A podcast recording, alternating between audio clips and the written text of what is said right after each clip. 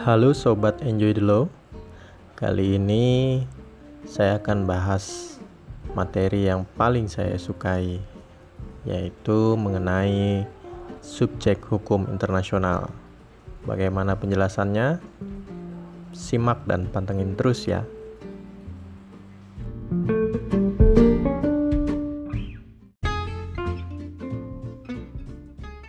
Selamat bergabung di podcast Enjoy the Law. Belajar hukum dengan santai dan menyenangkan. Silakan share favorites dan ajak teman-teman untuk mendengarkan podcast ini. Terima kasih.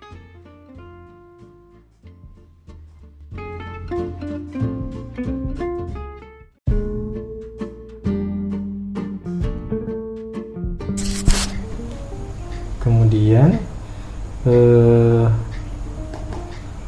satu slide lagi saya masuk ke subjek hukum internasional. Nah ini yang menarik. Eh, part ini menurut saya yang paling eh, saya sukai sejak saya kuliah S1 ketika membahas subjek hukum internasional. Gitu ya. Jadi di hukum internasional tradisional ya subjek hukum internasional yang dianggap oleh hukum internasional tradisional hanya negara. Jadi satu-satunya subjek hukum internasional itu negara. Tapi dia mengalami perkembangan gitu ya. Di hukum internasional modern ada dikenal subjek negara dan non negara. Gitu. Nah, kenapa negara dia disebut sebagai subjek utama hukum internasional? Karena negara itu memiliki hak dan kewajiban gitu. Jadi kita sebagai warga negara kita itu juga punya hak dan kewajiban. Negara punya hak dan kewajiban warga negara punya hak dan kewajiban. Ya sepanjang eh, yang saya pahami pemenuhan hak kepada warga negara itu lebih dikedepankan. Gitu. Nah, apa aja sih hak-hak dan kewajiban negara? Satu, dia punya penduduk yang tetap. Ya. Ada nggak negara yang nggak punya penduduk? Nggak ada. Sekelas di Alaska pun itu masih ada masih ada orangnya. Dia tinggal sama beruang beruang kutub nah yang kedua dia punya wilayah yang pasti gitu ya wilayah yang pasti. Jadi tidak dalam sengketa gitu. Jadi wilayahnya tidak tidak bersengketa secara batas wilayahnya gitu. Secara keseluruhan wilayahnya dia tidak tidak bersengketa. Makanya yang terganjal di di syarat Palestina diakui sebagai negara itu dia di wilayahnya gitu. Karena sekarang wilayahnya ini kan masih bersengketa kan antara apa Palestina dengan uh, Israel gitu. kemudian yang ketiga ada pemerintahannya gitu. Ada governmentnya ada pemerintahnya. Kalau di negara negara federal dia punya kepala negara dan kepala pemerintahan gitu. Ada presiden ada perdana menteri. Kalau kita hanya presiden gitu. Dia dibantu oleh eh, menteri-menteri. Yang keempat dan yang paling penting itu adalah kemampuan untuk mengadakan hubungan dengan negara lain eh, apa aja kewajiban negara selain empat hal tadi? Satu, dia dapat menyelesaikan sengketa secara damai. Gitu ya. Jadi mengedepankan penyelesaian sengketa atau konflik itu secara damai, bukan dengan berperang. Gitu. Kemudian yang kedua, dia tidak melakukan intervensi gitu jadi kan kemarin eh, Tiongkok dengan mendatangi Laut Cina Selatan ya secara tidak langsung dia telah bisa dikatakan dan patut diduga dia telah melakukan intervensi gitu kepada Indonesia.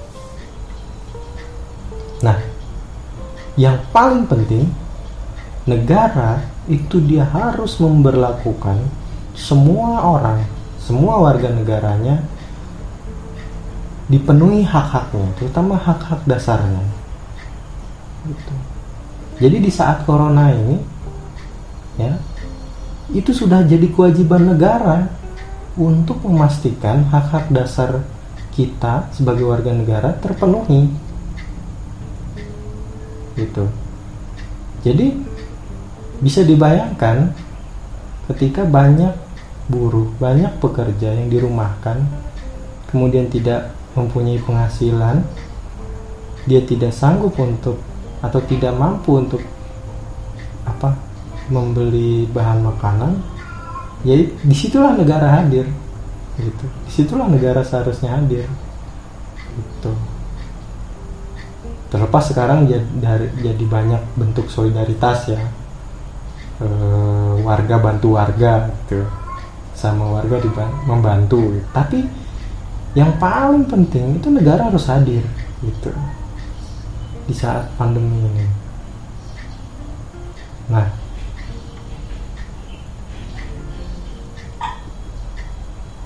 Kemudian yang kedua selain negara ada organisasi internasional. Jadi Perserikatan Bangsa-Bangsa itu adalah organisasi internasional yang memiliki anggota hampir 196 negara ya, hampir lebih dari 196 negara. Dia sudah dideklarasikan sejak 24 Oktober tahun 1945 apa sih eh, apa namanya kewenangan dia sebagai subjek HI dia memiliki kepri kepribadian hukum internasional atau international legal personality. Dan dia mampu melakukan hubungan hukum dengan negara dan subjek hukum lainnya. Misalnya waktu eh, apa? Waktu gempa di Sulteng beberapa tahun yang lalu ya yang cukup parah ya kemarin itu PBB mengambil perannya dalam dalam kerja-kerja kemanusiaan gitu dalam mengevakuasi warga gitu ya. Itu PBB menurunkan eh, apa bantuannya gitu. Dia tidak tinggal diam. Bahkan ketika satu negara itu mengalami bencana, terutama bencana alam, maka negara-negara anggota PBB memiliki kewajiban untuk membantu. Gitu. Jadi nggak ada lagi yang dorong-dorongan, udah kamu aja yang kaya gitu. Udah negara kaya aja, saya miskin, saya nggak bisa bantu. Gitu. Udah nggak ada lagi kayak gitu. Jadi ya Indonesia eh, apa namanya? Eh, dalam konteks Palestina dalam konteks Myan, apa Rohingya di Myanmar kemarin dia udah paling depan itu bantu. Indonesia juga punya kewajiban gitu, untuk bantu. Nah kemudian ada yang namanya Palang Merah Internasional. Itu Red Cross ya, bahasa Inggrisnya. Nah dia ini unik gitu. Jadi dia subjek hukum internasional yang urusannya itu untuk urusan kemanusiaan. Dia bergerak dalam bidang kemanusiaan itu dalam perang bencana alam pengungsian gitu ya. jadi kalau misalnya dalam kondisi perang ada tenda kemudian ada simbolnya itu palang merah ya. Itu nggak boleh diserang gitu. Ketika ada simbol itu itu udah nggak boleh diserang. Itu udah apa bahasanya aturan mainnya gitu. Dalam perang kemudian ketika bencana alam pun juga sama gitu. Dia nggak bisa diganggu gugat. Gitu. nah terutama dia apa aja sih tugas-tugasnya? Nah dia karena dia posisinya di Swiss ya hampir mirip dengan lambang negaranya dia diakui sebagai uh, subjek hukum internasional secara mandiri kenapa? Karena dia satu memberikan pertolongan korban perang tanpa diskriminasi. Dia udah nggak beda-bedain lagi tuh. Ketika perang wah karena kami misalnya muslim kami hanya menolong yang muslim aja. Enggak. Gitu. Jadi dia universal. Dia tanpa membeda-bedakan tanpa diskriminasi. Gitu. ini palang merah internasional ya bukan palang merah Indonesia. Iya karena sama-sama e, singkatannya sama PMI nah kemudian ada yang berikutnya ada yang namanya tahta suci atau Vatikan. Gitu ya. Pemimpinnya kenapa? Mm -mm, jadi dia ini dipimpin sama Paus Franciscus. Gitu ya. Nah dia diakui sebagai subjek hukum internasional karena alasan sejarah. Gitu. jadi pemerintah Italia dulu di tahun 1929 dia menyerahkan sebidang tanah. Gitu. Vatikan di Roma. Nah eksistensi tahta suci ini diakui sebagai subjek hukum internasional yang mandiri karena dia bergerak di bidang keagamaan terutama Katolik. Gitu. Jadi dia urusannya hanya urusan dan kewenangannya dia hanya urusan keagamaan terutama Katolik. Agama Katolik. Gitu. Nah, dia punya nggak duta besarnya di Indonesia? Dia punya. Gitu. Jadi Indonesia itu punya perwakilan Vatikan di e, Indonesia. Begitu pun sebaliknya. Indonesia punya duta besar di Vatikan. Kenapa? Karena e, apa? Umatnya itu tidak sedikit. Gitu. di umat Katolik itu juga banyak secara jumlah dan dia fokus. Dia hanya diberi tempat dan dihargai dalam bidang keagamaan. Dan dia sejajar dengan negara-negara. Makanya ada yang bilang bahwa ini kayak negara dalam negara gitu ya. Padahal dia dia hanya di Roma ya di satu daerah di Italia. Tapi dia menyelenggarakan pemerintahannya seperti negara. Gitu.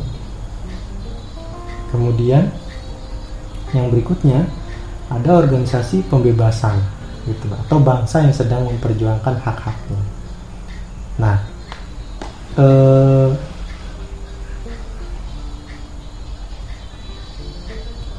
yang paling relevan yang disebut sebagai bangsa yang sedang memperjuangkan hak-haknya itu adalah Palestina. Gitu. Jadi dia sedang benar-benar berjuang selama puluhan tahun untuk memperjuangkan hak-haknya gitu. sehingga dia sangat kontroversial gitu ya, dan subjektif biasanya gitu. nah untuk apa ya untuk merdeka gitu. kenapa karena ya bayangkan puluhan tahun mereka harus uh, apa berkonflik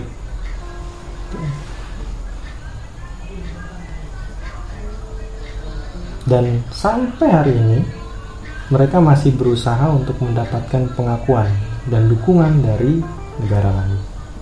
Ya, Indonesia itu dia paling depan untuk mengakui bahwa Palestina itu adalah negara. Gitu. Jadi kalau Palestina itu di istilahkannya dia PLO. Palestinian Liberation Organization. Jadi organisasi pembebasan Palestina. Nah, subjek hukum berikutnya yaitu belligerency. Jadi pemberontakan pemberontak. ada nggak sih pemberontak ada gitu dari dari dari dulu hingga sekarang itu masih ada biasanya itu dilakukan oleh sekelompok orang terhadap pemerintah permasalahannya biasanya menyangkut masalah dalam negeri itu ya suatu negara dan negara lain sebenarnya itu tidak bisa intervensi gitu. tetapi yang muncul itu seperti tampak seperti perang saudara gitu. dan akibat-akibatnya justru meluas ke negara lain gitu. misalnya kayak ISIS sekarang ya kan dampaknya itu sampai Indonesia coy gitu. banyak warga negara Indonesia yang ternyata apa namanya tergugah untuk berangkat ke Suriah. Padahal dia nggak tahu di sana itu mau perang sama siapa. Tapi yang penting dia turut membantu gitu atau turut serta. Nah,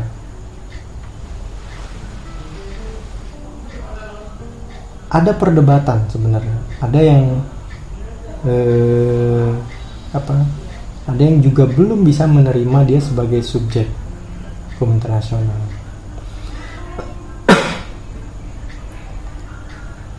Kemudian ada individu. Nah, jadi individu kita, ya, kita ini sebagai individu warga negara, kita diakui sebagai subjek hukum internasional. Gitu. Saya kasih contoh misalnya, e, beberapa tahun yang lalu Mark Zuckerberg, ya, Mark Zuckerberg yang punya Facebook itu dia datang langsung ke Jogja dan dia langsung mendirikan kampung kampung internet gitu ya. jadi satu kampung di Jogja dia minta untuk di, dibangun fasilitas internetnya dengan kuat apa dengan koneksi internet yang cukup bagus gitu nah dia bisa bertindak mandiri gitu atas dirinya sendiri atau dia bertindak untuk dan atas nama negara. Gitu. nah dalam kasus-kasus genosida misalnya yang tadi saya sebutkan di kasus Rwanda itu individu yang diadili. Gitu. E, kemudian kasus apa? Genosida e, Holocaust ya Holocaust. Itu juga e, individu yang di, diadili. Jadi individu sebagai subjek HI dia diakui gitu. Dia diakui. Atau yang uh, pernah terjadi di Jakarta kalau teman-teman uh, pernah ingat ada kasusnya Jakarta International School ya. Yang uh, pedofil terhadap siswa terhadap anak-anak yang dilakukan oleh warga negara asing gitu dan dia diadili gitu. dia diadili karena dia telah melakukan pelanggaran hukum gitu. dia melakukan pedofil dan itu terbukti di pengadilan terus eh, yang terakhir itu kan eh, warga negara Indonesia yang dituduh melakukan pembunuhan terhadap saudara kandungnya Kim Jong Un pernah dengar nggak beritanya Hmm. Nah, dia di Malaysia, ya kemudian dia dituduh e, melakukan e, pembunuhan dan dia e, dimintai pertanggungjawabannya. E, terakhir sebelum saya akhiri, jadi ada satu lagi subjek hukum internasional. Tadi ada individu. Nah, e, saya menambahkan e, perusahaan multinasional gitu jadi saya dulu waktu skripsi saya menambahkan eh, di penelitian saya bahwa subjek hukum internasional yang sekarang sedang berkembang itu perusahaan multinasional. Jadi namanya aja dia udah multinasional gitu. Jadi dia punya banyak eh, jaringan, dia punya anak perusahaan yang banyak di negara-negara lain, terutama dalam melakukan praktek bisnis ya, baik industri, investasi maupun produksi. Gitu.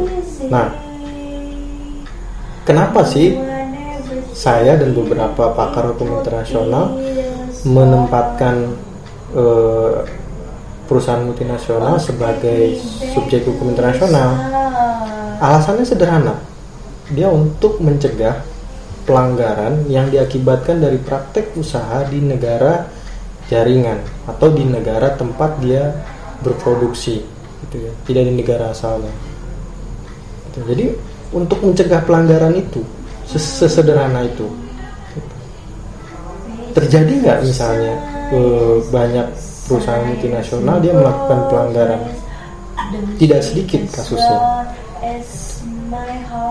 banyak pakar yang tidak sepakat gitu. Kenapa? Karena e, perusahaan multinasional ini tidak dimiliki hanya satu orang gitu. Ini persoalannya. Misalnya e, apa? Samsung ya, Samsung. Samsung dari mana Samsung? Korea. Tapi saham terbesarnya sekarang itu dimiliki oleh Singapura Jadi tidak absolut atau tidak mutlak dimiliki hanya oleh Korea gitu. Ini menjadi persoalan gitu. Jadi ketika misalnya dia melakukan pelanggaran, kita harus meminta pertanggungjawaban ke siapa nih? Ke individu orang Koreanya atau ke individu orang Singapura gitu. Ini yang menjadi eh, apa namanya? menjadi persoalan. Tapi kita juga nggak bisa membiarkan mereka melakukan pelanggaran gitu gitu misalnya eh, apa namanya eh, di perairan Amerika di Teluk Amerika itu pernah terjadi perusahaan minyak itu terjadi kebocoran minyaknya itu lautnya kemudian pesisir pantainya itu habis kena apa kena minyaknya. Gitu. Apa ada MOU dia harus bikin MOU dulu sebelum dia beroperasi. Baru dia baru dia bisa gitu. Dan yang kedua dia punya kapasitas untuk mengajukan gugatan gitu. Jadi eh,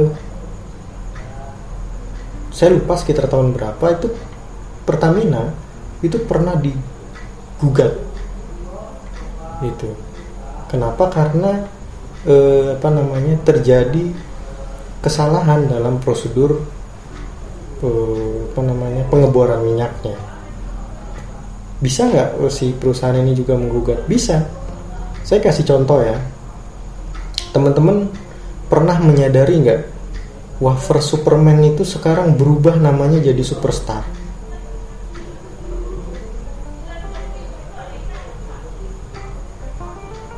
Mm -mm, wafer Superman tuh jajanan SD itu. Kalau kamu nggak tahu berarti kamu nggak pernah jajan waktu SD dan dia harus ganti nama dan ganti logo jadi dia tidak tidak apa namanya tidak boleh lagi pakai nama Superman dan gambar Superman-nya itu nempel di bungkus wafernya itu. Nah, tapi tidak 100% kalah wafer Superman. Jadi dia bilang bahwa uh, belum ada penelitian yang yang menunjukkan bahwa ketika ada gambar Superman, lantas orang itu paham bahwa itu Superman gitu. Jadi itu yang yang apa namanya yang meringankan wafer Superman lah